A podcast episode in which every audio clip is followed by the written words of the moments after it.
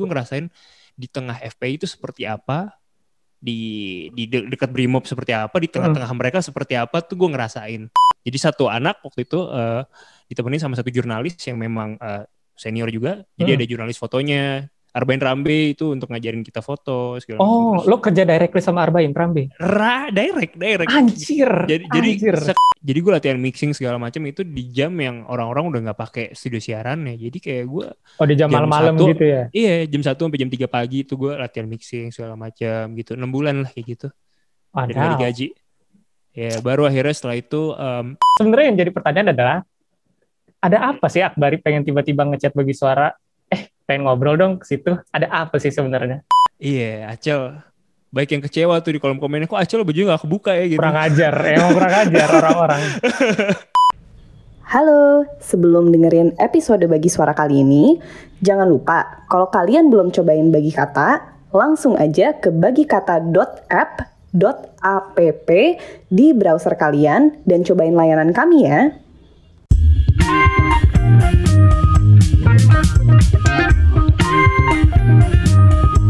Bagi suara.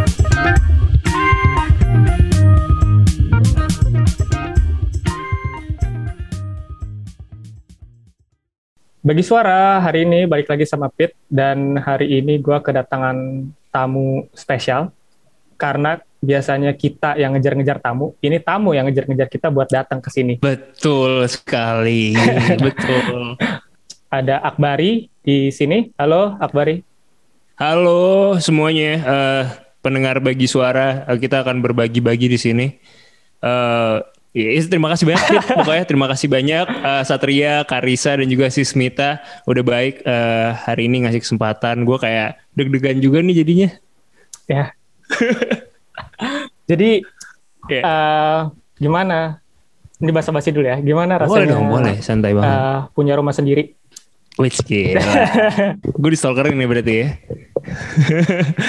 gue rasanya eh kayak mimpi sih jujur aja pertama kali gue gue da- jadi tuh gue kan beli rumahnya dua tahun yang lalu dua tahun yang lalu. Nah terus kayak gue nggak boleh nggak boleh ngunjungin rumahnya gitu loh. Jadi kayak gue nggak ada tuh kayak orang-orang yang kayak lagi pembangunan catnya warna Hmm, abu-abu datang tuh gue nggak ada. Jadi kayak gue nggak nggak boleh visit sama si developernya. Jadi nggak ada visit gitu jadi pas datang terus udah jadi bentuk bangunan gitu kayak gue nggak kayak kayak itu speechless banget. Terus kayak wah gila ya gitu. Terus kayak langsung ke recall tuh orang-orang yang dulu eh mandang sebelah mata profesi gue Hmm, gitu jadi kayak recall gitu-gitu. Terus apa ya? Hmm, personal banget sih buat gue ini kayak sesuatu yang gue nantikan dan jadi kalau diceritain lagi gitu ya sebenarnya ini personal banget. Jadi gue tuh eh, kenapa gue akad KPR tuh ke gara-gara gue nggak berani akad nikah. Jadi kayak jadi dulu gue pacaran lama sama sama mantan gue di eh, kuliah di Prasmul. Oke. gue empat tiga setengah tahun gitu pacaran. Terus waktu satu ketika bokapnya tuh ini bokapnya kayak nodong gue gitu. Gimana? Kamu kapan mau lanjut? Pokoknya intinya diarahin buat ke pernikahan gitu deh. Iya, ya. itu gue deg-degan banget sih. Di saat momen itu gue kayak bener-bener deg-degan terus kayak langsung kayak di otak gue tuh kayak wah ini banyak goals gue banyak impian gue banyak eh eh, bucket list gue kayaknya nggak bakal kecapai nih. Gue tiba-tiba akan menikah gitu dan langsung jadi cowok cupu gitu deh pokoknya. Gitu deh pokoknya. Iya sih pasti kayak Eh, ekspektasi gue lu kebayang kan orang-orang yang menikah pasti eh, kehidupannya paling tidak berubah gitu dari ya sebelum pasti berubah. Ah. Nah, gue tuh belum siap. Waktu itu gue langsung recall hal-hal itu. Akhirnya gue gue gue mutusin untuk mundur gitu. Gue akhirnya akhirnya gue putusin nih cewek. Gue mutusin tapi gue galau sampai sekarang cuy. Oh, oke. Udah tiga tahun cuy. Oke. Eh empat tahun tahun ini ya? Iya, empat tahun gue single. em, ya jadi gue waktu itu kayak hilang arah gitu, hidup gue nggak jelas segala macem. Akhirnya eh, gue pengen nyari sesuatu yang kalau gue bangun tidur nih gue ada ada drive nih, gue ada desire-nya. Apa tuh? Terus akhirnya ya gue kepikiran kayaknya gue gue harus akad KPR nih gitu. Jadi ya gitu teman-teman gue akad nikah, gue akad KPR. Biar ada sesuatu yang memotivasi lo tiap lo bangun pagi gitu yes, ya. yes. Karena gue gue galau banget, lost banget gitu. Ya gimana sih? Eh, sampai sekarang masih ada kok fotonya di feeds gue. Kalau mau kepoin mantan gue. Yoi. Eh, terus ini sekarang udah di rumah baru nih? Udah Pit, Ah, udah Pit. mantap. Asik ya Pit ya. Di mana Gitu, sih rumahnya kalau boleh tahu? Di Sumarekon Bekasi gue. Oh, oke oke. Yoi, Eh, alhamdulillah. Terus eh, bahasa-basi kedua, jadi gue sempet ngeliat tweet eh, radio lo nih, Rex. Ah, ah, ah. Gue nggak tahu sih ini editan atau enggak. Apa tuh? Pelukan sama cinta Laura, gimana rasanya pelukan sama Oh. cinta Laura? Itu beneran apa editan sih? Beneran, itu Oh, beneran, itu beneran. Gimana Itu rasanya beneran. pelukan sama cinta Laura? Gimana ya rasanya ya? Anget cuy. wangi gak wangi? Wangi, wangi, wangi. Dong. Baik banget. Itu tuh eh eh itu pertama kali gue ketemu. Abis itu kayak Hmm. dua minggu setelahnya gue ketemu lagi sama dia. Baik banget dan apa ya? Gue ekspektasi gue kan di di di gue tuh dulu kan belum ada podcast podcastnya dia tuh. Jadi Hmm. ekspektasi gue tuh masih yang eh, becek nggak ada ojek bla bla Ya. gitu lah. Yang Terus kayak Iya, iya. ngerilis lagu yang kita nggak bakal denger gitu kan Hmm, kayak gitulah maksudnya yang yang begitu tapi ternyata eh ini anak pintar gitu ini anak pintar dan dan ramah gitu ya menyenangkan sih akhirnya dari situ gue ketemu lagi kedua kalinya udah udah asik gitu jadinya cinta Laura baik itu itu beneran itu pelukan beneran Oh, Oke, soalnya Iya. kemarin tuh waktu kita lihat ada yang bilang kayak kayaknya editan deh. iya bener banyak yang nggak terima gue dipeluk sama cinta Laura Emang banyak yang ngiri ya kalau kayak gitu-gitu ya. parah cuy Oke, Eh, tapi eh, di radio di track Iya, Pit. sekarang eh, siarannya kapan aja nih bar? Nah, nggak jelas gue sebenarnya kan. Orang Oh. juga pada bingung kan. Gue Gimana siaran kapan nih akbar ini gitu kan. Nah, Gue sekarang siarannya eh, baru aja pindah di hari Selasa sama Rabu. mm-mm. eh, jam 8 sampai jam 10 malam. Oh, Oke, tadinya tuh Iya. sama ini ya, sama Cindy Lau bukan sih? Betul, tadi sama Cindy Lau jam 8 sampai jam 12 malam. Eh, Hmm. jam 8. Jam Iya benar jam 8. Jam 8 sampai jam 12. Iya benar 4 jam ya benar. Hari Senin sampai Jumat. Hmm. Betul. Eh, kalau dari kita sih yang eh, dengerin dan yang apa namanya merhati di Twitter gitu ya, Mm-mm. eh, salah satu yang paling berkesan dari waktu lo sama Cindy siaran itu Mm-mm. adalah di Mei 2019, Oke. ketika eh, lo pada saat itu nggak bisa pulang atau nggak bisa datang ke kantor karena ada kerusuhan di seberang Sarinah Oh iya benar. di Bawaslu. Oke. Eh, ini menarik nih. Eh, Iya. mm, itu gimana tuh? Eh, si- silakan silakan. Apa hal lu mau nanya? apa? Eh, iya, apa namanya? Eh, dan waktu itu di Twitter kan lu menjadi salah satu sumber informasi kita kita lah yang nggak keluar rumah. Betul. Eh, ada yang berubah nggak abis itu? Abis eh, kejadian itu di lu sendiri gitu? Wah, ini ini banyak banget sih. Jadi kayak eh gue gua gue dari kecil tuh selalu selalu pingin ada di sebuah keramaian, di sebuah kekeosan. Dari kecil tuh gue nganggep itu hal yang keren gitu. Oke. Gak tau kenapa. Mungkin kayak kayak kita dari dulu kan kayak nonton Power Rangers, nonton apa Godzilla segala macam. Terus kayak kayaknya seru deh kalau dikejar-kejar Godzilla gitu. Somehow gitu. Gue pengen ngerasain adrenalin itu gitu kan. Dan eh, mungkin Aries juga ada ya adrenalin itu. Gue gue kerasa banget. Jadi waktu itu ya memang eh, jadi gue tuh kerja kantoran juga. Terus gue dari kantor gue sebelumnya. Terus gue langsung siaran kan. Pas mau siaran itu memang itu susahnya setengah mampus. Gue gue nggak bisa gue muter-muter segala macam deh pokoknya akhirnya sampai akhirnya udah mepet banget mau jam siaran telat ya karena susah jadi gue sampai lewat-lewat tuh sampai banyak yang eh ya sesuai yang gue sharing lah di Twitter bener-bener banyak yang ada yang sholat jamaah segala macam ngata-ngatain Ahok segala macam gitu-gitu Hmm. deh pokoknya dan em, ya gue akhirnya pas mau pulang pun nggak bisa pulang jadi ya pokoknya gue akhirnya reportase segala macam dengan dengan gue atas nama gue sendiri gitu kan Iya. Uh, which is sebenarnya fine fine aja gitu ya dan orang-orang banyak yang seneng tapi si institusi ini Mm-mm. sangat tidak suka dengan dengan dengan dengan dengan apa yang gue lakukan Oh oke. Aneh banget aneh banget. Kayak menurut gue padahal bagus kan padahal benefit di lo nya juga gitu kan. Maksudnya bisa bisa jadi apa segala macam. Dia sangat tidak suka dengan dengan apa yang gue lakukan. Katanya eh iya kan lu bukan jurnalis segala macam. Padahal gue sebenarnya juga jurnalis gitu gue punya ID card eh, sebagai kontributor juga di media lain juga gitu. Bla bla bla pokoknya dengan segala macam eh, rentetan alasannya. Dan akhirnya eh, gue dimusuhin. Terus em, ya karir gue ter, sempet terhambat lah gara-gara momentum itu. Gue nggak ngerti kenapa. Padahal netizen menyukai semuanya menyukai cuman mereka tuh kayak sensi aja gitu sama Akbari. Kayak kok jadi Akbar yang dapat atensi ya dari orang-orang kayak gitu. Seakan-akan seperti itu ya. Itu itu kisah di baliknya. Terus em, yang selain itu gue atas kejadian itu seneng tadinya. Followers nambah segala macam ya kan rame Pastilah ya, macem. pastilah ya. Iya iya rame segala macam. Jadi kalau ngelihat waktu itu kan gue eksklusif ke Volkatif dan Brilio waktu itu. Abis itu eh iya selain itu akhirnya gue juga cukup trauma karena kan gue lama banget tuh lima hari kali nggak nggak pulang di sana.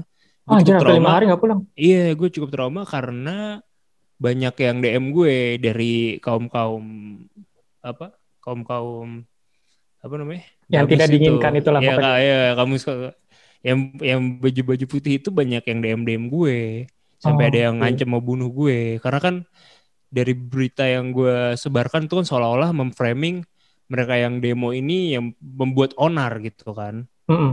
mereka yang demo ini kan yang tidak terima dengan hasil uh, pilpres waktu itu kan.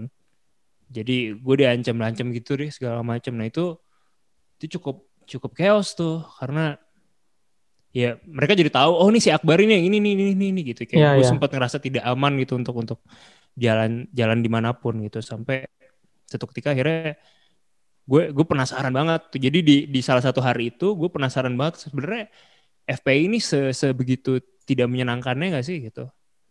Eh, ternyata memang ada yang tidak menyenangkan. Yang menyenangkan pun juga ada gitu. Dan akhirnya pun gue sempat akhirnya eh, sholat jamaah jadi gue ngerasain tuh sholat jamaah yang mereka di di depan bawaslu Oh, lu Seru, sholat bareng baik mereka. bagi-bagi bareng bagi-bagi Oh, pakai oke. air ini air apa air botolan gitu kan Mm-mm, nggak ada- buat keran kan kayak Mm. iya biar botolan jadi gue ngerasain di tengah FPI itu seperti apa di di de- dekat Brimob seperti apa di tengah-tengah mereka seperti apa tuh gue ngerasain tadi gue pengen share hal itu gue pengen posting segala macem cuman gara-gara ya gue banyak diteror segala macem Mm, jadinya gue gue gue udah yang kayak wah gue udah gak nge-share lah gitu segala macem. Jadi eh gue orang yang tadinya sangat tidak suka dengan dengan kebijakan FPI dari dulu lah.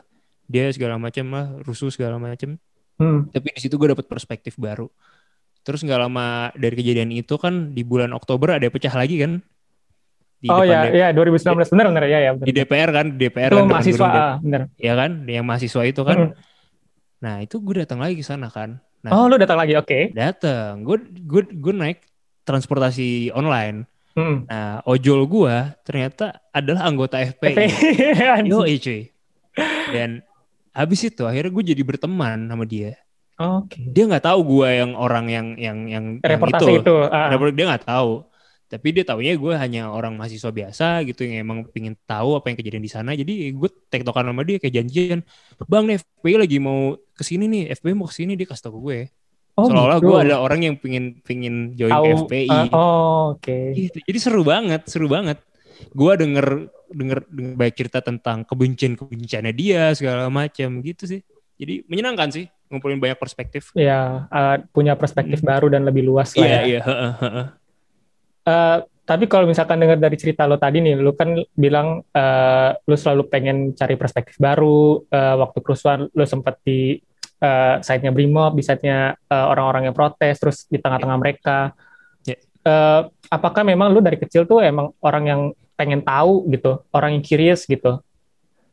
Oh menarik nih. Bisa Karena- dibilang iya sih. Karena kayaknya. Heeh, eh, sepenelitian kita juga adalah boleh. eh, lo bilang eh, lo jurnalis dan memang waktu awal karir lo jurnalis di Kompas. Oh, Kok lu hebat sih bisa tahu? Wow. Itu gimana tuh? Ada korelasinya gak tuh? Enggak ini interview terkeren sih dari awal pertanyaannya udah yang kayak berbobot gitu. Iya. Eh gue gue gue memang memang eh, pertama kali belajar tentang jurnalistik dari Kompas itu gue magang di sana. Terus tulisan pertama kali gue yang bener-bener publish ya di koran Kompas gitu saat itu Oh ya, sangat besar sekali gitu. tulisan kan. apa kalau boleh tahu? Liputan pertama gue adalah eh, seminar kanker payudara. Oke. Nyambung kan kayak what gitu. Itu kalau di Kompas tuh, gue tuh dari kecil tuh baca Kompas. Jadi diajarin Iya. sama kaki gue, kalau waktu kaki gue masih ada Oh, gitu keren ya. duduk di Hmm. sebelahnya dia. Tapi kalau dulu masih kecil kan bacanya berita apa sih? Gue cuma paling baca berita bola doang. Sama ini sama apa jadwal siaran TV. Iya, sama jadwal siaran TV. Sama ini eh, kartun Oke. Benny dan Nietzsche. Zaman Iya, dulu banget. Bener. Kalau nggak ada banget. satu lagi tuh yang yang nggak ada nggak ada teksnya siapa siapa tuh? Tahu kan? Ah, bukan yang nggak ada ah, bubble-nya tuh cuman cuman tek, tek, gambar tek, doang tek, ya. tek. Aduh, siapa Iya. ya? Gue lupa men. Iya kan di, di pojok kanannya lagi tuh seru banget. Iya, iya, itu ada. Satu ada. lagi ada Panji Komang ya kan? Ah, itu kita Panji, geng Kompas kan. nih. Panji, Sukribo, terus ah, Iya. ya itulah pokoknya lah. Iya, Yang kita dulu. ge- geng Kompas. Terus terus Kompas. kakek lu gimana? Iya, jadi eh, apa namanya kakek gue pengen gue inilah, pengen gue nemenin dia, terus pengen gue sering baca gitu. Nih baca gitu dia bilang. Nah, asal gue baca, paling gue cuma baca berita bola, abis itu udah cabut lagi gitu. Tapi Hmm. itu jadi kebiasaan yang ditumbuhkan gitu kan. Iya. Tapi Dan karena itu mahal. Experience itu oh mahal. banget banget. Nggak semua teman-teman kita dapat.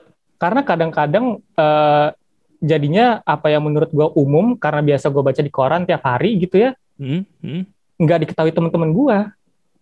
Yes. ada satu masa di SD kelas 4 gue inget banget kan di Kompas kan Hmm. awal tuh kan halaman pertama pasti selalu ada kan perakiran cuaca gitu kan Betul, betul, betul. temen gue ngira perakiran cuaca itu adalah ya tapi namanya anak SD sih maksudnya perakiran cuaca itu adalah manusia yang bikin ntar Tuhan tinggal ngiyain doang Ah.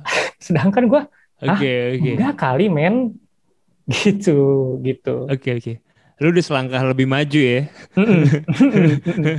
Kalau lu di Kompas gue, gimana eh, gue dari kecil, orang tua Hmm. juga langganan Kompas, terus eh, seneng, gue seneng yang baca-baca segala macam gitu-gitu. Terus ada masanya gue yang kayak memandang rendah mereka yang baca pos kota. Kompas gila ya, tai pasti ada banget ya. pasti ada Tai pasti ada. Klasis banget gue, anaknya gara-gara koran doang dulu. Ya, kayak gitulah. Cuman eh, anyway, gue seneng banget tulisan pertama gue waktu itu ditayangin di di kolom metropolitan kan banyak tuh. oh iya Metropolitan ini, bener Kolom ekonomi segala di situ. Jadi gue dipasangin sama jadi satu anak waktu itu eh, ditemenin sama satu jurnalis yang memang eh, senior juga. Jadi Hmm. ada jurnalis fotonya. Arbain Rambe itu untuk ngajarin kita foto segala macam. oh Terus- lo kerja directly sama Arbain Prambe Ra, direct, direct. anjir Jadi jadi anjir. sekeren. Jadi tuh dulu jadi tuh bokap gue tuh emang pingin selalu pingin anaknya tuh dapat beasiswa, anaknya dapat kegiatan-kegiatan segala macam lah. ya ya Karena dia nggak pernah dapetin hal itu gitu. Jadi suatu ketika ada lowongan, bokap gue nge-share, gue harus daftar gitu kan. Ya. Gue nggak mau nggak mau nggak mau sampai hamin dua jam lah. Ditanyain lagi sama bokap di gedor kamar gue gimana udah kirim belum gitu kan. Hmm. Baru akhirnya gue bikin bikin CV terus sama bikin tulisan gitu. Emang Zaman dulu udah pakai email belum sih? Udah, Oh, itu udah pakai email. Itu udah Oke, email. oke. Karena kan zaman SMA tuh. Cuman ya internetnya masih pakai ini cuy CDMA Modem. tau gak sih? Modem ya? Iya, Iya, iya iya. modem, modem, modem yang CDMA gitu. Iya, iya. Oh, Smartphone. iya benar-benar. Iya, iya benar-benar benar. Susah banget sinyalnya gitu. Iya kayak gitu terus eh ya udah akhirnya gue kirim eh habis itu ada kirim fisiknya juga. Jadi Hmm. pakai pos juga. Gue kirim terus selang dua minggu ternyata gue kepanggil nih untuk interview. Jadi untuk interview dulu, wawancara interview. Habis itu baru diumumin ada 28 anak gitu ya yang, Hmm. yang bisa magang. Nah itu dibagi ada jurusan-jurusannya yang ilustrator, yang eh, fotografer, yang eh, gue writer gitu kan. Hmm. Jadi kayak ya dari situ akhirnya di ya kita dapat pelatihan segala macam. Gue sama jadi dibagi-bagi tim ada yang sama Arben Rambe juga, ada yang sama ini sama ini. Tapi ada kelas-kelasnya juga yang sama Arben Rambe-nya juga. Jadi kayak ya seru sih gue di situ eh dapat banyak ilmu dan tulisan pertama gue kanker payudara, liputan pertama gue. Habis Hmm. itu di kolom Kompas Mudanya itu kan ada Kompas Muda tuh. Iya, ya kan? masih sampai sekarang. Nah, itu gue nulis-nulis juga di situ. Jadinya saat itu ya. Gitu sampai ada akhirnya Kompas Kampus waktu itu.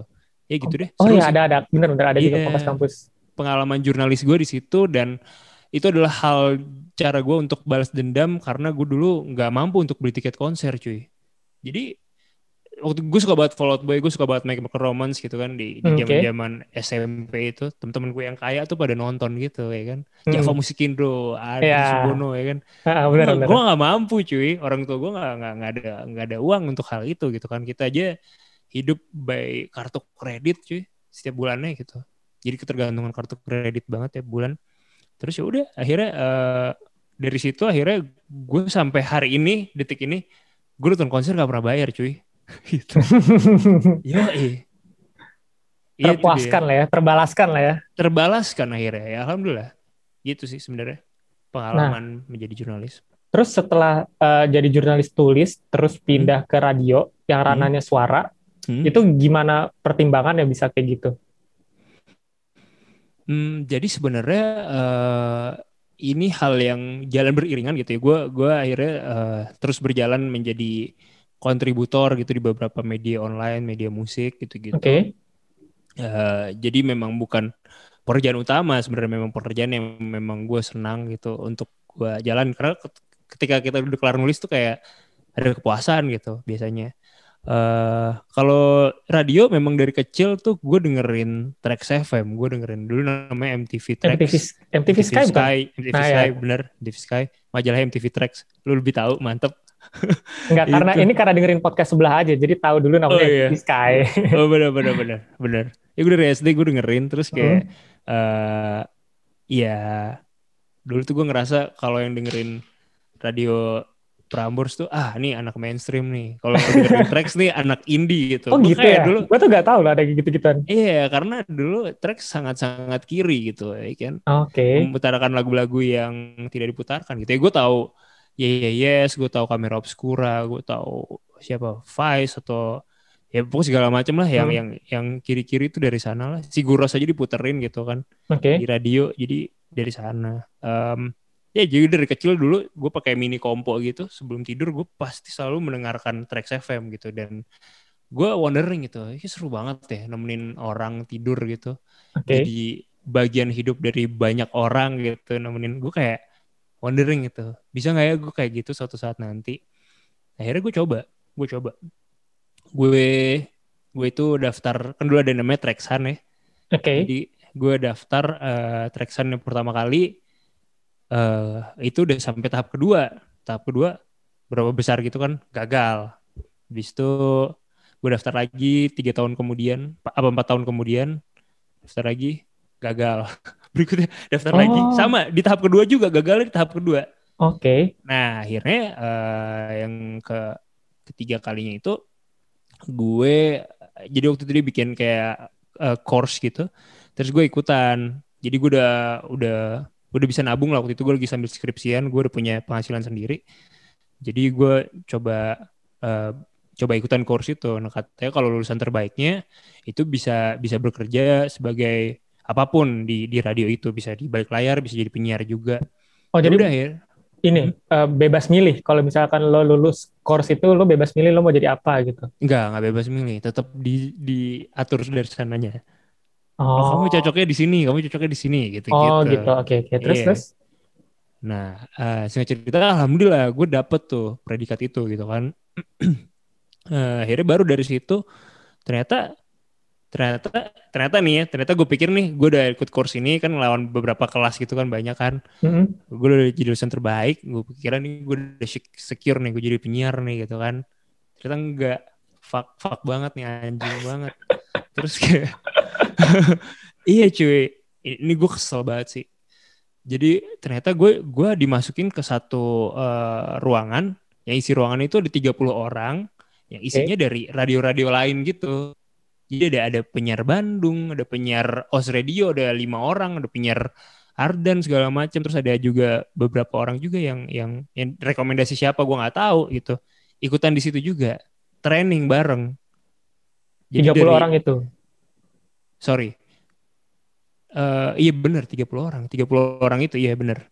Ya udah training bareng selama tiga bulan dan di situ gue harus mutusin kontrak kerja yang seafiliasi sama radio. Jadi waktu itu gue eh, siaran di radio streaming namanya Gugu Radio. Oke. Nah, itu tuh eh, radio pertama yang gue siaran gitu. Jadi diajak sama temen gue eh, si Zaka Zaka Leeds Record kalau tahu Oke. di situ di situ awal mula gue akhirnya gue bisa bisa latihan gitu. Gue gue cuma berempat waktu itu Eh, gue yang ngurusin scheduling musisi lagu segala macam gitu gitu radio online lah pokoknya intinya. Hmm. jadi situ gue kayak kenalan akhirnya sama Elvan Kain sama eh, banyak musisi sama Awan akhirnya satu kantor di situ. Awan Oh ya, mutual friend, mutual Iya. friend of bagi suara juga. iya. Oke. ya di situ. Di situ jadinya seru banget sih sebenarnya. Jadi gue ngerintis di situ sambil, eh, tapi gara-gara gue harus training gitu kan, yang sebenarnya belum pasti gue keterima, tapi gue udah harus resign. Anjing banget kan. Dan sedangkan selama training gue gak dapet duit. Kayak fuck lah gitu kan. Oh, baik. Fuck lah gue pengen ini. Nyaman Iya, banget ya itu posisinya ya. Parah. Tapi kan gue yang kayak anak muda yang kayak idealis kan. Ah, Aku ingin hidup dari passionku gitu kan. Iya kayak gitu gue. Akhirnya ya udah gue gue langsung resign habis itu. Gue resign.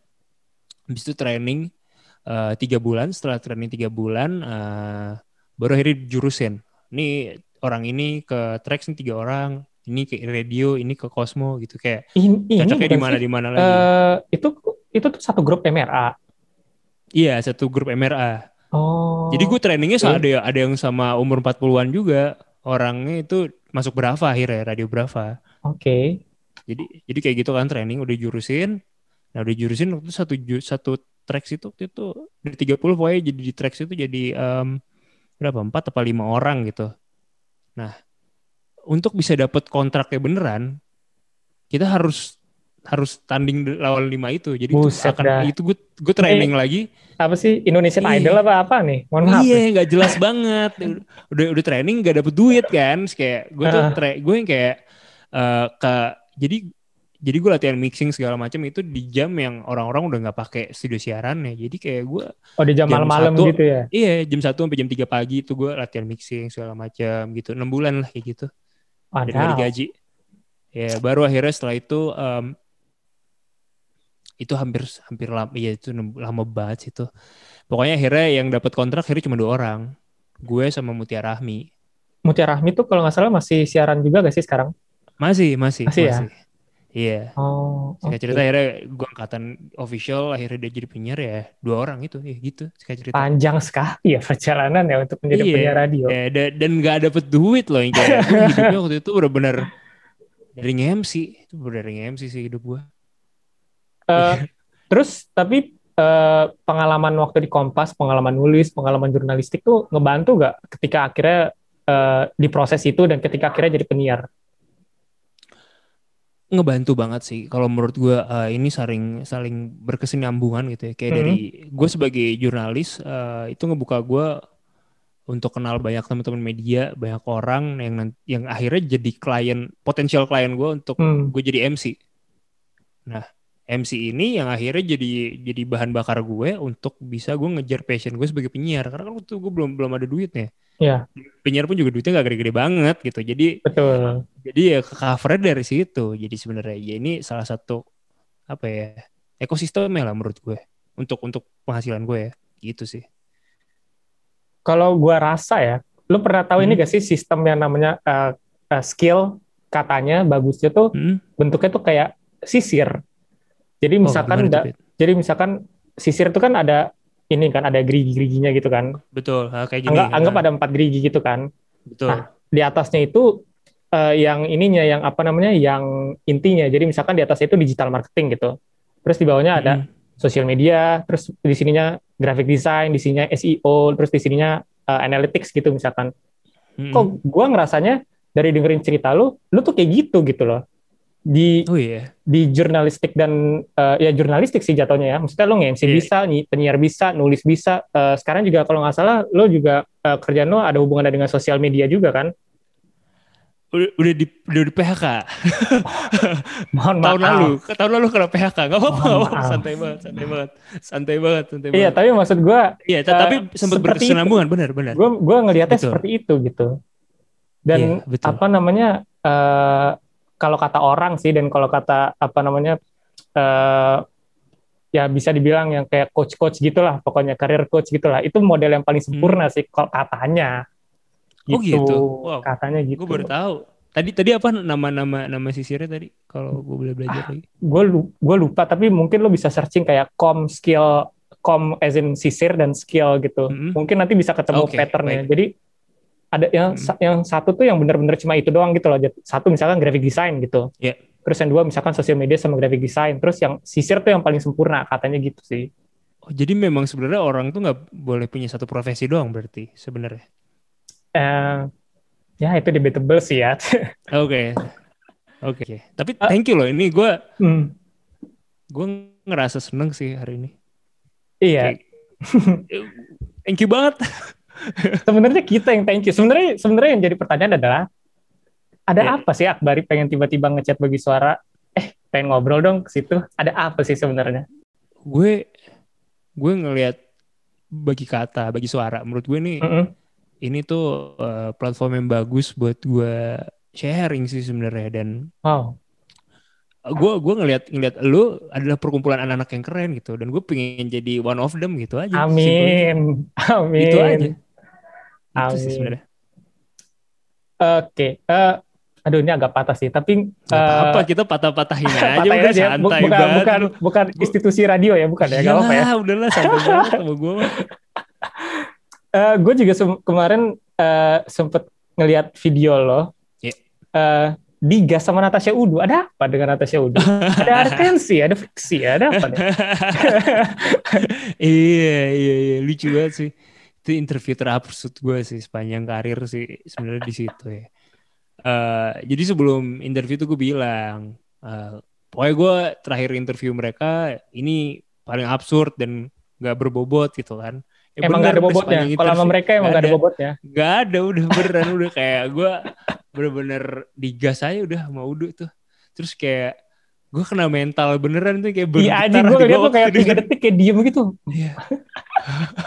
gue ya, ini udah serius. Asli sih itu interview ter tergila sih. Iya beneran sampai produser di inventory-nya kayak Barney kayaknya gue pengen negor panda deh ini kayaknya masa interview kayak gini sih gue bilang, "Gak apa-apa ini kan emang karakter bandnya tapi Dan kan karena nggak ada temen yang juga, dipromoin kan. iya Ya tapi akhirnya gak ada dipromoin. Bener, itu bener. gak ada dipromoin jadinya emang gak ada gak ada yang dibahas Jadi sebenarnya orang-orang itu pengen lagu jadi denger apa enggak? Kita nggak tahu sebenarnya. Iya iya iya. Tapi gue seneng sih karena maksudnya ya cara marketing sekarang udah bosen kali orang yang gitu-gitu Hmm. aja kan. Dan dengan cara yang kayak gitu menurut gue menurut gue menurut gue sih bagus ya fresh ya buat gue ya buat gue. Cuman mungkin nggak mungkin buat kita ya. Mungkin nggak buat orang banyak. Jadi Iya. seru, seru sih. Karena apa namanya kalau ngelihat sekarang kadang-kadang orang tuh pengen dengerin lagu atau atau pengen lihat karya bukan karena karyanya, karena emang orangnya gak sih? Karena personality di balik itu, Iya betul. Setuju setuju gue. ya kan? Setuju. Setuju Dan personality lo ini kemudian bikin entitas yang namanya tanduk rusa. Apa Iya. sih sebenarnya tanduk rusa tuh apa sih? rapi berinjingnya loh. Ini mah rapi loh. Oke. Eh, jadi waktu itu gue pertama kali MC itu. Ini ini mungkin bekal yang bagus yang diajarkan oleh Prastia Mulia Business School. jadi gue dulu jurusan branding. Oke. Gue belajar untuk kita masuk ke market yang baru kita harus riset kan. Akhirnya eh, ya bikin bikin SWOT lah, ya kan? Hmm. bikin SWOT segala macam. Waktu itu gue pengen banget. Jadi gue dulu ngeband. Gue ngeband terus band Oke. gue bu- bubar gitu kan. Sampah lah pokoknya. Habis itu iya, lu tahu kan rasanya gimana kayak oh gue bisa make it make it make it. Eh, Ya, kayak temen-temen lu sem- nggak nggak solid gitu semua kan. semua anak muda yang suka musik tuh bullshitnya itu. Eh kita ngeband, ngeband, ngeband, ngeband. Iya. Kagak jadi apa-apa. Gak jadi apa-apa ya kan. Itu dia makanya. Jadi eh, gue akhirnya mikir waktu itu, gimana cara gue bisa ada di atas panggung tanpa perlu latihan band, tanpa Hmm. perlu berantem di WhatsApp group, tanpa perlu biaya recording, Ya. gitu-gitu deh. Oh jadi MC gitu. Gue ingat dulu waktu kecil gue suka banget nonton MTV. Setiap acara penghargaan tuh gue nonton, mau yang luar yang lokal. Dan gue seneng dengan dengan dengan VJ gitu. Gue seneng. Ya. Ini orang bisa setara sama musisinya tanpa perlu jadi musisi gitu Oke. bisa bisa satu frame bisa satu panggung keren ya gitu ya sudah akhirnya waktu gue eh, kuliah semester akhir tuh gue ikut VJ-han waktu itu Oh sempat ikut VJ-an juga. iya angkatannya Ardito terus eh cuman sampai tahap berapa gitu yang menang waktu itu Fe- Feli Feli Sumaiku yang menang Feli Sumakui. eh Sumaiku betul dia yang menang dia yang menang waktu itu gitu Oke. Terus ya pokoknya gagal lah gue akhirnya eh, gue memutuskan untuk gue menjadi MC. Nah balik ke yang SWOT lagi, akhirnya gue bikin SWOT waktu itu. Hmm. MC MC pensi siapa aja sih yang udah udah udah udah established gitu kan? Gue listing, gue listing, gue listing. Ada Gofar, ada Adit Insomnia, ada Ajis Doa Ibu, ada Hmm. Ucup, ada Iben Margonset waktu itu, ada you name it lah. Pokoknya beberapa yang lainnya itu mereka udah punya radio gitu. Gue nggak punya background itu. Gue bukan siapa-siapa. Gue nobody. Podcast belum ada waktu itu belum di belum belum dianggap maksudnya. Udah ada di SoundCloud gitu kan. Cuman belum belum kayak sekarang. Eh, gimana cara gue bisa masuk gitu? Akhirnya gue ketemu satu insight menarik dari dari gue bikin SWOT itu. Hmm. Dari semua MC MC pensi yang udah established, eh, mereka ini semua umurnya di atas 30 tahun. Dan Oh. gue satu-satunya yang umurnya masih 20 tahunan. Hmm. Dan itu yang dijadiin sama gue eh, USP-nya, unique selling point-nya. Ini Akbari umurnya lebih muda, nggak jauh beda sama si audiensnya. Betul. Jadi gue sadarkan itu ke Hmm. ke panitia-panitia pensi. Eh, terus gue kasih benefit lagi gimana ya caranya eh, gue bisa remarkable gitu. Karena kan gue gue nggak lucu, gue sadar kelemahan gue. Kelemahan gue di SWOT itu gue nggak lucu, gue nggak bisa bercandaan mesum. Karena saat itu bercandaan mesum selalu selalu works gitu kan. MC itu kalau nggak mesum ya bencong gitu. Kalau cowok ya, Ya, ya, ya. ya yang bikin orang seneng ya Ya, betul. itu gue nggak dua-duanya gitu gue nggak jelas gitu apa akbari gitu kan Terus gue mikir akhirnya akhirnya gue mikir kayak keren deh kalau MC tuh juga bisa setara di poster eh, acara-acara gitu kan kayak gue seneng aja dulu ngeliat poster-poster oh nih ada si ini ada si ini tapi MC tuh tulisannya cuma pakai font kecil padahal Kecil. MC-nya Ya, di bawah. padahal MC-nya udah yang MC MC terkenal gitu Hmm. kayak tetap di bawah gitu nggak dianggap nah gue pingin ya gimana caranya sih orang-orang yang bikin acara ini kalau ada logo tanduk rusa ini jadi ada prestis tersendiri loh ini gue sama Akbari loh Akbari yang ini loh gitu-gitu jadi waktu itu gue beneran ketok pintu ke panitia-panitia segala macem eh, ngasih tahu ini tanduk rusa jadi, jadi awalnya nggak awalnya belum ada tanduk rusa cuman logo Akbari Hmm. gue ganti Tanduk rusa itu. Iya, tanduk rusa ini. Jadi kayak gue gue style aja lah. Kayaknya kalau inisial di depan tuh terlalu mainstream deh yang digaya-gayain logonya di belakang aja deh. Hmm. Terus gue pengen nanti suatu saat cuman pakai logo IE doang orang udah tahu nih Akbari gitu. Kayak Apple lah gitu. Iya, iya. istilahnya. Ya jadi gue gambar sendiri tuh pakai Microsoft Paint gitu sampah banget. Sumpah. Gitu. Iya. Oke. Gak jelas cuy. Sampah. Gue gak bisa gak bisa yang segala segala macam. Sama-sama kirim- gue juga nggak bisa desain kok. Ah, terus. Iya, gue kirim ke panitia waktu itu. Ingat banget gue. Pensi yang pertama kali pakai logo itu, tanduk rusa itu adalah pensi eh, ini Binus Internasional. Namanya Dynamic nama pensinya. Itu yang di eh, Simprok bukan sih? Bukan, itu yang di BSD. Tapi sama sih mereka kan Iya, iya, benar. yang, yang nonton juga itu itu lagi Itu, kan itu lagi benar benar. tiket itu, Iya, itu iya, lagi. iya. Ya anak-anak itulah. Hmm. Jadi gue di situ. Terus eh, tanduk rusa itu sebutan dari orang-orang sebenarnya tadinya. Si MC tanduk rusa nih, si MC tanduk rusa gitu-gitu. Karena kan Karena stylingnya itu di huruf yellow itu tanduk rusa gitu. iya, tadi gue malah cuma Oh. bilang MC rusa doang nih. Gitu. Tapi jadi MC tanduk rusa nih, tanduk rusa. Oh, keren juga gue pikir ya. Terus sebenarnya di di Bogor tuh ada ada band band indie gitu namanya Tanduk Rusa. Cuman ya Hmm. bilang nggak apa-apa lah gue pakai aja gitu. Orang Hindia juga ada kok Hindia di Malang gitu kan. Oh, ada. ada ada band Hindia di Malang. Oke. Pakai Y tapi tulisannya. Hmm. Iya. Terus ya udah gue gue pakai aja nama tanduk rusa itu terus akhirnya gue cari filosofisnya gitu, filosofis gembel aja. Apa tuh? Apa tuh filosofi gembel itu? Jadi ternyata rusa tuh binatang yang bisa bertahan di segala habitat dan harapan Oke. gue Mm-mm. ini tuh eh, ke ke karir gue juga gitu. Gue bisa bertahan di saat pandemi kayak sekarang, di saat pilpres, di saat nggak ada pensi atau apa pun gitu-gitu sih sebenarnya. Harapannya gitu doanya. Amin lah. Amin. Iya. Dan kalau ngomong-ngomong eh, bertahan dalam semua habitat, eh, Hmm. di tahun lalu ketika pandemi masih awal-awal, lo Hmm. udah, udah pindah habitat dari radio ke podcast. Udah bikin sepuluhan episode, Eh, gila. di- itu terus berhenti. Itu kenapa tuh? Coba, coba Wow. bisa diceritain nggak? Ada Oh apa kah? Oh my god, gue ditanya ini nih. Kalau tapi tapi sempet kalau- lihat kalau nggak mau kalau nggak mau itu nggak apa-apa loh. Kalau Gak misalnya apa dong, nggak gak ada apa. sharing. Gue gue gue seneng banget.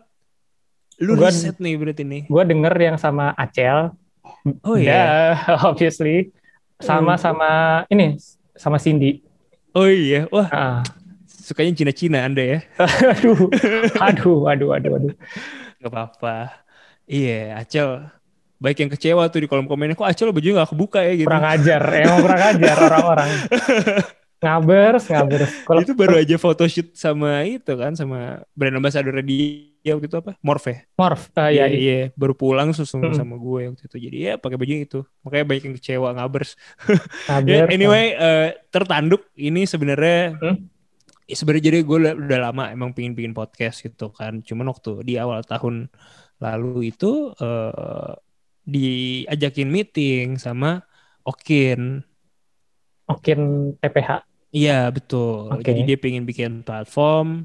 Terus eh, nanti podcast lu di gue bar gitu. Jadi ibaratnya gue kayak kayak Netflix original sih gitu loh Betul. podcast tapi podcastnya podcast gue tapi ya memang dibiayai dia diproduksi oleh dia gitu nah eh, kenapa berhenti ya simply karena karena duitnya mandek itu aja Oh. jadi waktu itu waktu itu dia ya masalah yang mungkin ada perceraian atau apa ya gue Ya, kurang ya. tahu jadi kayak dari situ se- akhirnya episode yang nggak jalan lagi karena itu. Sebenarnya gue udah syuting. Cuman gue nggak mau nggak mau dong kalau kalau masalah itu belum belum kelar gitu sebenarnya. Dan gue pun nggak masalah gitu. Gue pengen yaudah ketemuan aja deh eh, tertanduk. Kan ini brand brand gue juga gitu. Walaupun kita ngerintis bareng-bareng ya. Hmm. eh, brand gue nah gue pengen bawa itu ke ke YouTube gue aja deh sendiri. Karena itu itu bener-bener channelnya belum ada tadinya gitu Oh itu benar-benar bikin dari scratch. dari scratch gitu. Kita bareng-bareng gitu. Hmm. isyarat buat teman-teman tim tertanduk itu ada Okin Hashim Niki Firdi sama Aca. Gue seneng banget sih. Cuman ya sorry kalau kita udah nggak bisa bareng lagi gitu sih sebenarnya. Rencananya nanti bakal di rumah gue tertanduk. Cuman ya gitu gue mikir gimana ya orang-orang mau ke Bekasi nggak ya? Gitu. Itu itu sebenarnya itu yang jadi masalah makanya itu dia pak.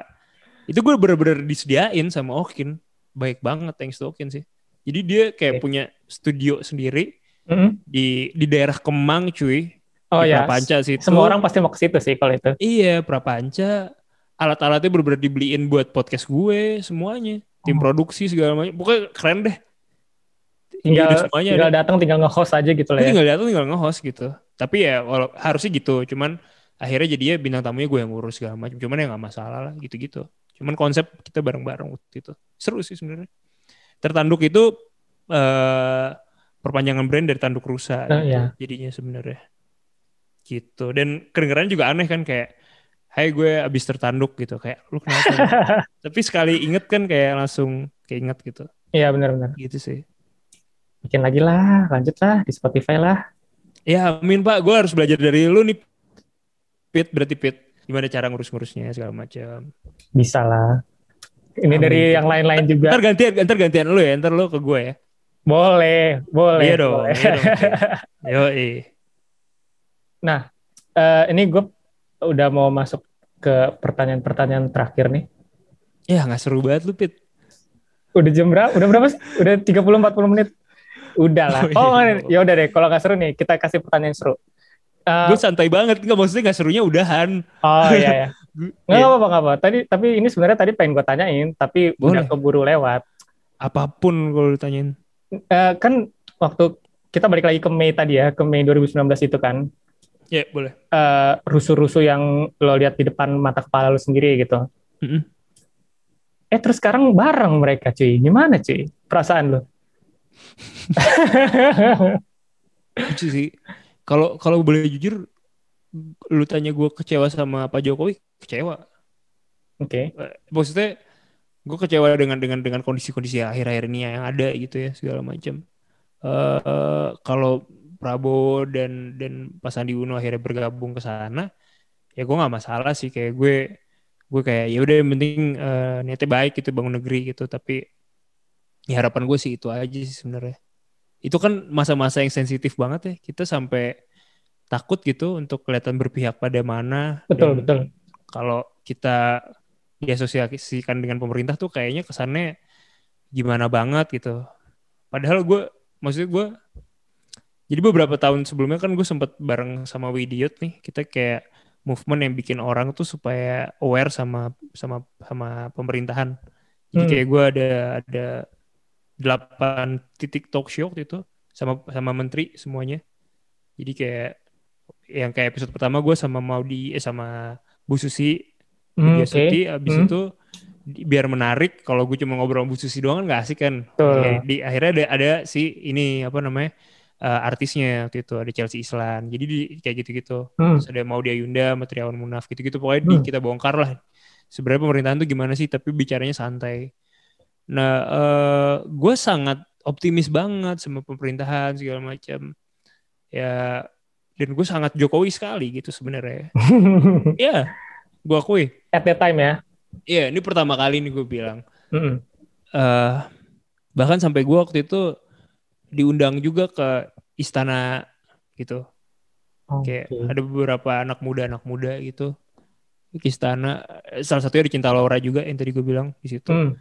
Em, gue tapi gue nggak posting cuy.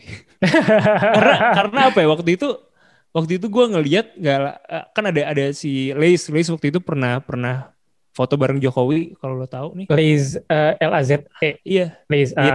Har- Habib Prakasya Oke. dia pernah foto bareng sama Jokowi di istana terus isi komentarnya hujatan semua gitu Oh. kayak karena orang kayak lagi sensitif sama pemerintah gitu kan segala Hmm. macam sih gue takut padahal di sisi lain gue bangga sih gue seneng gue pernah diundang nih gitu terus ya ya di sana sebenarnya gue gue juga juga cukup cukup nggak jelas sih maksudnya dalam artian kan orang biasanya harusnya baik-baik segala macam gue kayak gue mempertanyakan tentang aksi kamisan yang kenapa waktu itu nggak dibungkus gitu gitu iya kayak Anjir. Iya anjir. di depan Pak Muldoko waktu itu kayak kalau gue pikir-pikir Oh, sangat goblok berani ya. juga. Iya, Sangat berani goblok ya. juga ya kalau gue pikir-pikir iya.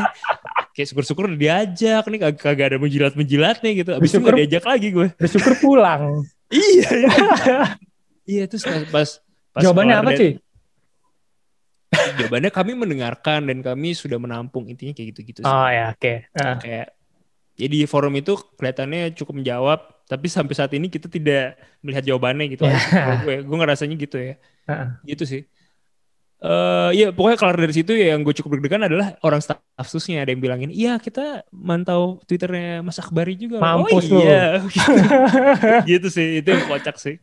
Ya gitu ya udah sih. Akhirnya eh sampai mana? Sampai situ ya. Jadi jawaban gue itu sih sebenarnya. Kalau Iya. dibilang kondisi yang sekarang kecewa gue cukup kecewa sebenarnya. Oke. lu gimana Pit? Aduh. eh ya karena sebenarnya gue juga ini sih kalau ngomongin preferensi politik pada saat pemilu terakhir gue juga memilih presidennya sekarang. Mm-mm. Tetapi eh, tidak sampai setahun setelah itu udah kecewa ya. Jadi ya gue nggak tahu bakal milih lagi atau enggak di pemilu berikutnya. itu dia dulu tuh gue bar bareng-bareng sama anak-anak ada move sama anak-anak Widiyut ada movement namanya 100 persenin 100 persenin Indonesia nyoblos jadi kayak ada konflik batin di gue dulu gue bersuara untuk ngajak temen-temen gue untuk untuk ayo dong lu jangan golput jangan golput jangan golput eh tapi sekarang gue jadi kayak pengen golput juga Itu sempet rame tuh di Twitter. Iya gak sih? Hmm, hmm. waktu pemilu terakhir ya itu Hmm. yang apa namanya eh, ada kubu yang masa lu nggak milih ini masa depan negara bla bla bla? Terus Iya, ada iya. ada kubu yang ya emang kenapa kalau nggak milih? Kan hak juga untuk nggak milih. Ya gitulah. Iya. biasalah Twitter. Bener. Bener sih. Gitu. ya kalau dari lu gimana? Lu akan milih lagi nggak nanti? Belum kalau tahu. Ahok kayak- kayaknya lu pilih ya. Belum tahu. Kenapa lu kalau Ahok tiba-tiba lu bilang gue mesti Oh. milih? kalau kalau Ahok gue langsung milih. Gue muslim gitu ya. Gue gue gue pro aja sih kalau Ahok jadi presiden. Gue pro banget sih kayak kayak mantep gitu Eh, kalau ada nah gimana? Eh, ya karena gue gue ngerasa namanya mimpin negara ya beda lah sama mimpin agama gitu kalau buat gue ya. Hmm. dan itu gak masalah. Dan gue sangat Ahok sekali dari dulu. Dari dari zaman zaman Ahok yang di segala macamin lah gue sampai beli kaos Ahok gitu kayak gue petang Anjir. depan nyokap bokap gitu nyokap bokap gue nyokap bokap gue baru pulang haji terus saya kayak kedoktrin gitu sama sama lingkungannya. Jadi kayak terus Ahok aja parah gitu kayak gue anaknya kesel banget kan. Ahok. Ah bo- wah gue gue sampai dibanting-banting pintu gue segala macam gitu deh. Dianggap anak durhaka gitu. Wah. sampai akhirnya setelah yang pilgub yang kedua nyokap gue Hmm. baru kebuka nih. Jadi gue tiap hari itu kan ada ada TV kan TV-nya bisa YouTube gitu. Ya. gue puter-puterin fakta terbaik-baiknya Ahok gitu. Gue hancurin Ahok. Propaganda. Iya parah propaganda banget jadi sekeluarga gue akhirnya jadi jadi pro Ahok banget sampai sekarang gitu dan kebukti gitu Pak Ahok sekeren itu buat gue ya lagi-lagi Hmm. Terus ada satu momen yang monumental juga nih gue keinget tiba-tiba. Boleh gue sharing masih aman? boleh dong Oke. Jadi waktu itu eh, ingat kan kita kalau eh lu muslim juga atau? Iya ya. Iya, jadi kita ada sholat Jumat kan terus kayak Hmm. eh, di masa-masa itu kan selalu banyak banget yang rasis ya kotip-kotipnya. Kalau pas Jumatan tuh Sampai Kayak- sekarang sih masih sih. masih kan Ha-ha. dan kayak mengkafir-kafirkan Cina lah segala macam. Hmm. Apalagi Ahok gitu kan kayak oh ngata-ngatain Ahok deh. Nah, masjid deket rumah gue tuh termasuk masjid yang kayak gitu ya kan. Gue kesel banget kan kayak apaan dah gue pengen gak sholat Jumat deh gue pengen pulang gitu kan. Eh habis itu pernah satu ketika tuh gue minggu depannya gue punya kaos Ahok muka Ahok gede gitu. Gue Jangan bilang lu bawa sholat Jumat lu. gue pakai sholat Jumat itu Gila, gila. diplototin gue habis gue. Habis gue. Habis gue. Tapi gue deg-degan banget tuh. Gue deg-degan banget. Jadi gue diplototin habis sih pokoknya habis setelah itu. Jadi kayak kayak sepanjang kan gue gue gue sengaja tuh akhirnya ngambil ngambil safnya tuh yang tengah-tengah gitu yang direct langsung ke kotipnya. Jadi kotipnya ngelihat gue gitu. Kayak iya kayak gila sih gue Emang tapi kalau dilihat-lihat emang anaknya suka menantang maut ya. Coba coba kita list dari awal nih. apa nih Datang ke kerusuhan Bawaslu. gue Nanya Muldoko gimana aksi Kamisan. Orang tua pulang haji disambut kaos Ahok. Ada apa sih Bar sebenarnya Bar? apa ya gue tuh sebenarnya berpegang teguh sama Sherina ya jadi kayak kalau bener ya nggak usah takut gitu sih sesimpel itu sebenarnya yang akhirnya jadi prinsip hidup gue yang yang jadinya banyak orang yang nggak suka gue juga gitu sebenarnya Hmm. kalau bisa dibilang ya kayak gitu sih sebenarnya gue percaya kalau bener nggak usah takut dan eh, selalu berbuat baik aja gitu akhirnya pada akhirnya memanusiakan manusia ini gue seneng sih Shout out ya Mbak Sherina. Kalau Mbak Sherina mau main-main ke sini boleh loh. Harus dong. Karena fotonya sangat kelihatan muda ya dia ulang tahun 31. Betul, betul. Cantik glowing banget sekali, glowing Cantik sekali. banget ya. Betul. Cantik banget ya. Tipe Perawat. cewek idaman lu gimana, Pit? Kita jangan ngomongin itu di sini dong. Enggak dong, gak apa Pit. Gak mau, Pertanyaan. gak mau. Kok boleh ya? Oke, eh, tadi kan eh, ngomongin eh, ya ada politik-politik sedikit dan lain-lain gitu. Itu kan kalau yang kayak gitu-gitu pasti ramenya di Twitter ya. Iya. Dan yang eh, seminggu dua minggu rame belakangan ini di Twitter adalah eh, tuduhan kasus pelecehan seksual atau kekerasan Oh. seksual gitu. Menarik nih. eh ada beberapa orang yang entah kenapa kalau misalkan ada seseorang yang speak up tentang pelecehan atau kekerasan yang dialaminya gitu, selalu doubting, selalu nggak percaya, selalu eh, kayak mengerdilkan isunya gitu. Ah, cuma gitu doang. Ah, cuma gitu doang gitu. Iya. Gimana pendapat lo tentang yang kayak gitu-gitu? Eh, gimana ya? Memang society-nya kayak gitu ya. Gini, kita di tongkrongan aja, pasti ngobrolnya nggak jauh-jauh dari selangkangan, nggak jauh-jauh dari eh, cewek gitu ya. Mesti Ini- diakui. Harus diakui seperti itu gitu kan walaupun kita mungkin menjaga norma itu di di sosial media segala macam gitu kan dilihat tapi kalau di tongkrongan pasti obrolannya itu itu aja apalagi cowok ya segala macam kayak lu lu udah ngapain aja sama dia itu tuh udah pasti ada pertanyaan itu kan. Achieve- jadi achievement aja gitu kan ya- dan dan gue tuh selalu sorry ini gue juga pengen ngomong sih gue pengen ngomong banget sebenarnya. Kayak Silakan. gue tuh udah empat tahun single gitu kan dan Iya. tiap kali di tongkrongan gue tuh kayak di goblok-goblokin gitu di bego-begoin lu goblok deh bar. Gue mau kalau jadi lu mau udah punya cewek. Gue mau kalau jadi lu udah pacaran sama yang si ini. Si ini udah habis nah gini-gini. Hmm. di tongkrongan selalu kayak gitu. Lu homo ya bar ya? Selalu kayak gitu ya ujungnya kayak kayak gue diasumsikan gue sebagai gay segala macam. Which is sebenarnya gay nggak apa-apa ya. Gue appreciate banget temen-temen gay gue. Cuman em, mereka tuh mengkategorikan gue ke situ gara-gara gue tidak berani eh, untuk mengeksekusi cewek gitu misalnya. Atau pacaran atau apa. Iya. ini ini yang jadi jadi mindset yang salah menurut gue gitu kan.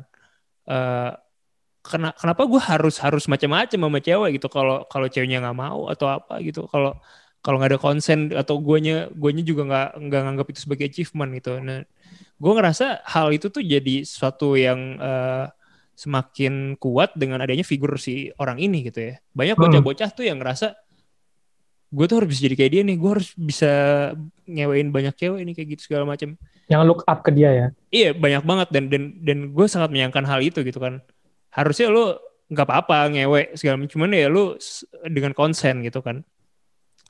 balik lagi ke situ, balik ke topik itu, kenapa uh, tadi pertanyaan awal lo, uh, sorry apa tadi? Ya, gimana pendapat lo tentang pendapat kasus gue. itu?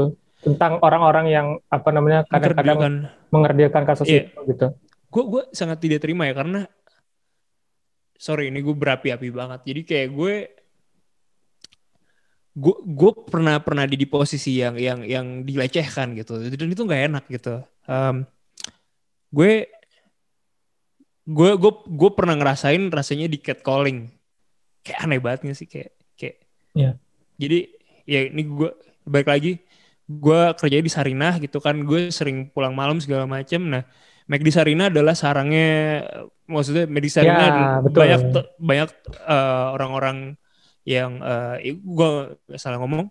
Pokoknya gue gue pernah majalan waktu itu mau beli makan buat sahur bahkan dari Mhm. McD itu ada ada 10 orangan gitu di pinggirnya duduk-duduk terus gue di sweet sweetin gitu kayak terus gue digodain gitu deh. Dan gue ngerasa ngerasa takut cuy. Kayak padahal gue cowok gitu dan gue digodain sama sesama cowok juga. Gue ngerasa takut gitu. Kayak eh iya iya akhirnya gue ngerasa seenggak enak itu cuy di catcalling ternyata. Walaupun kalau ketika kita sebagai cowok kita ngegodain cewek ya cuman gitu doang kan. Cewek cewek. Ya. Kayak itu bukan itu hal yang biasa aja gitu buat kita sepele. Tapi ketika gue jadi orang yang di di sweet sweetin atau di catcalling gue takut gitu sesimpel itu. Abis itu ini pernah kejadian di synchronize eh gue dicium sama cowok gitu random. Nah itu Oh, aneh banget. Itu itu butuh waktu untuk gue akhirnya bisa sharing itu gitu. Saya bisa sharing cerita itu. Dan ketika, ada orang yang mengkerdilkan kayak bilang kenapa baru speak up sekarang? Kenapa kenapa lu nggak teriak aja waktu kejadian? Kan gak ada buktinya segala macam. Ya emangnya bisa lu pas lagi kayak gitu tuh gue ngerasanya gue nge-freeze aja. Gue ngerasa kaku aja gitu kayak kayak gue kaget hah? Kok dia gini gitu? Terus gue harus gimana gitu? Kayak bahkan gue kepikiran untuk nonjok balik. Dia juga enggak jadi gue cuman kayak gitu doang. Aneh banget cuy aneh banget jadi kayak eh gue speak up banget kemarin masalah yang kemarin itu gara-gara gue udah tahu gue udah tahu si oknum ini pernah melecehkan gitu ya eh, melecehkan jadi jadi gini ada pendengar gue eh, di di kan di radio gue dia nih Ya. Support banget gue deh. Pokoknya gue siaran dia da- dia selalu datang bawain gue suka banget susu strawberry gitu dia bawain susu strawberry. Bahkan kadang suka nunggu gue sampai kelar siaran jam 12 malam loh cewek loh bayangin. Hmm. dia Hmm. nungguin gue siaran gitu segala macam ngeliat gue dari studio gitu siaran. Terus kalau gue sabtu minggu nge-MC dia suka datang juga. Jadi ini ini ini cewek eh, support karir gue banget gitu. Terus kayak satu ketika eh, dia abis dari acara itu biasa lah ini mau foto bareng gitu kan Ya. Nah, mau foto bareng sama si si oknum ini si ya lo tau lah maksudnya yang gue bilang ini Ya. eh terus dirangkul gini habis dirangkul digrepe Terus kayak ini, ini anak ketakutan gitu loh Pasti. dia pertama kali cerita ke Cindy habis itu dia cerita ke gue gitu kan pas gue di track cuman gue nggak gue nggak bisa speak up cuy saat itu eh balik lagi lu pasti tahu kan kalau di satu komunitas atau di satu kantor kan ada orang-orang yang yang dituakan atau yang dianggap Ya. paling asik segala macam gitu kan. Terus kayak, kayak kita minoritas kayak kita ngomong apa juga ya paling lu dianjing-anjingin aja gitu kan. Ya. ya, gue kayak gitu gue nggak bisa ngomong apa-apa gitu. Di situ kayak ya udah gue gue gue kaget itu gue terima fakta itu gue cukup sedih sama dia. Sampai dia trauma nih si anak ini. Eh ya kemarin ada momennya. Kemarin ada momennya ada yang speak Hmm. up segala macem. Ya akhirnya gue coba bantu jembatani. Eh ada dua orang yang akhirnya berani speak up itu walaupun habis itu nggak lama akhirnya dia ngeluarin statement pakai jalur hukum kan akhirnya dia private akunnya si cewek ini. Um, shout out aja sih buat buat dia yang akhirnya berani gue kayak komunikasi gitu via DM Eh, abis itu kan gue nggak enak ya untuk untuk dia ngomong ke ke jadi waktu itu ada ada ada, ada bekas panitia pensi juga gue kenal namanya Gal Rihal Mansyah dia jembatanin ke LBH akhirnya gue minta gue DM ke si Gali ini untuk eh, eh boleh dong kontakin si ini ini ini, ini. gue kasih username gitu Ya. karena kayaknya kalau dari cewek ke cewek lebih nyaman deh daripada cowok yang untuk sini gitu jadi Betul. akhirnya udah Nah kemarin udah udah dua kali pertemuan barengan sama LBH dari jadi rangkuman korban-korbannya tuh banyak gitu di di di si si si Gal ini. Ya lu bisa lihat di. Twitter lah. Dia juga cukup speak up masalah ini. eh ya karena kan mereka takut. Ini gue aja sekarang ceritanya gemetaran gitu karena Ya. karena bukan masalah yang gampang ya. Kita kita nggak tahu ya kan kita belum belum belum pasti juga nih orang bersalah gitu kan karena nggak ada bukti ya kan hukumnya juga kita nggak tahu cuman ya yang pasti gue cuman pingin ya mereka ter, mereka bisa bisa berkumpul dengan yang pernah merasakan gitu dan dan bisa tahu kalau mereka nggak sendirian dan mereka tetap worthy gitu. Karena kan ketika kejadian itu ngerasa worthless aja gitu. Betul, betul. kadang itu aja sih. Gue sesimpel itu sih sebenarnya. Dan apa ya? Akhirnya gue bersyukur aja sih dari hal ini tuh gue bersyukur gue menahan eh, hawa nafsu gue gitu. Kayak kayak kesempatan-kesempatan kayak gitu selalu ada gitu kan sebenarnya. Dan gue memilih untuk coli di rumah itu aja deh Itu sebenarnya paling aman sih. Iya.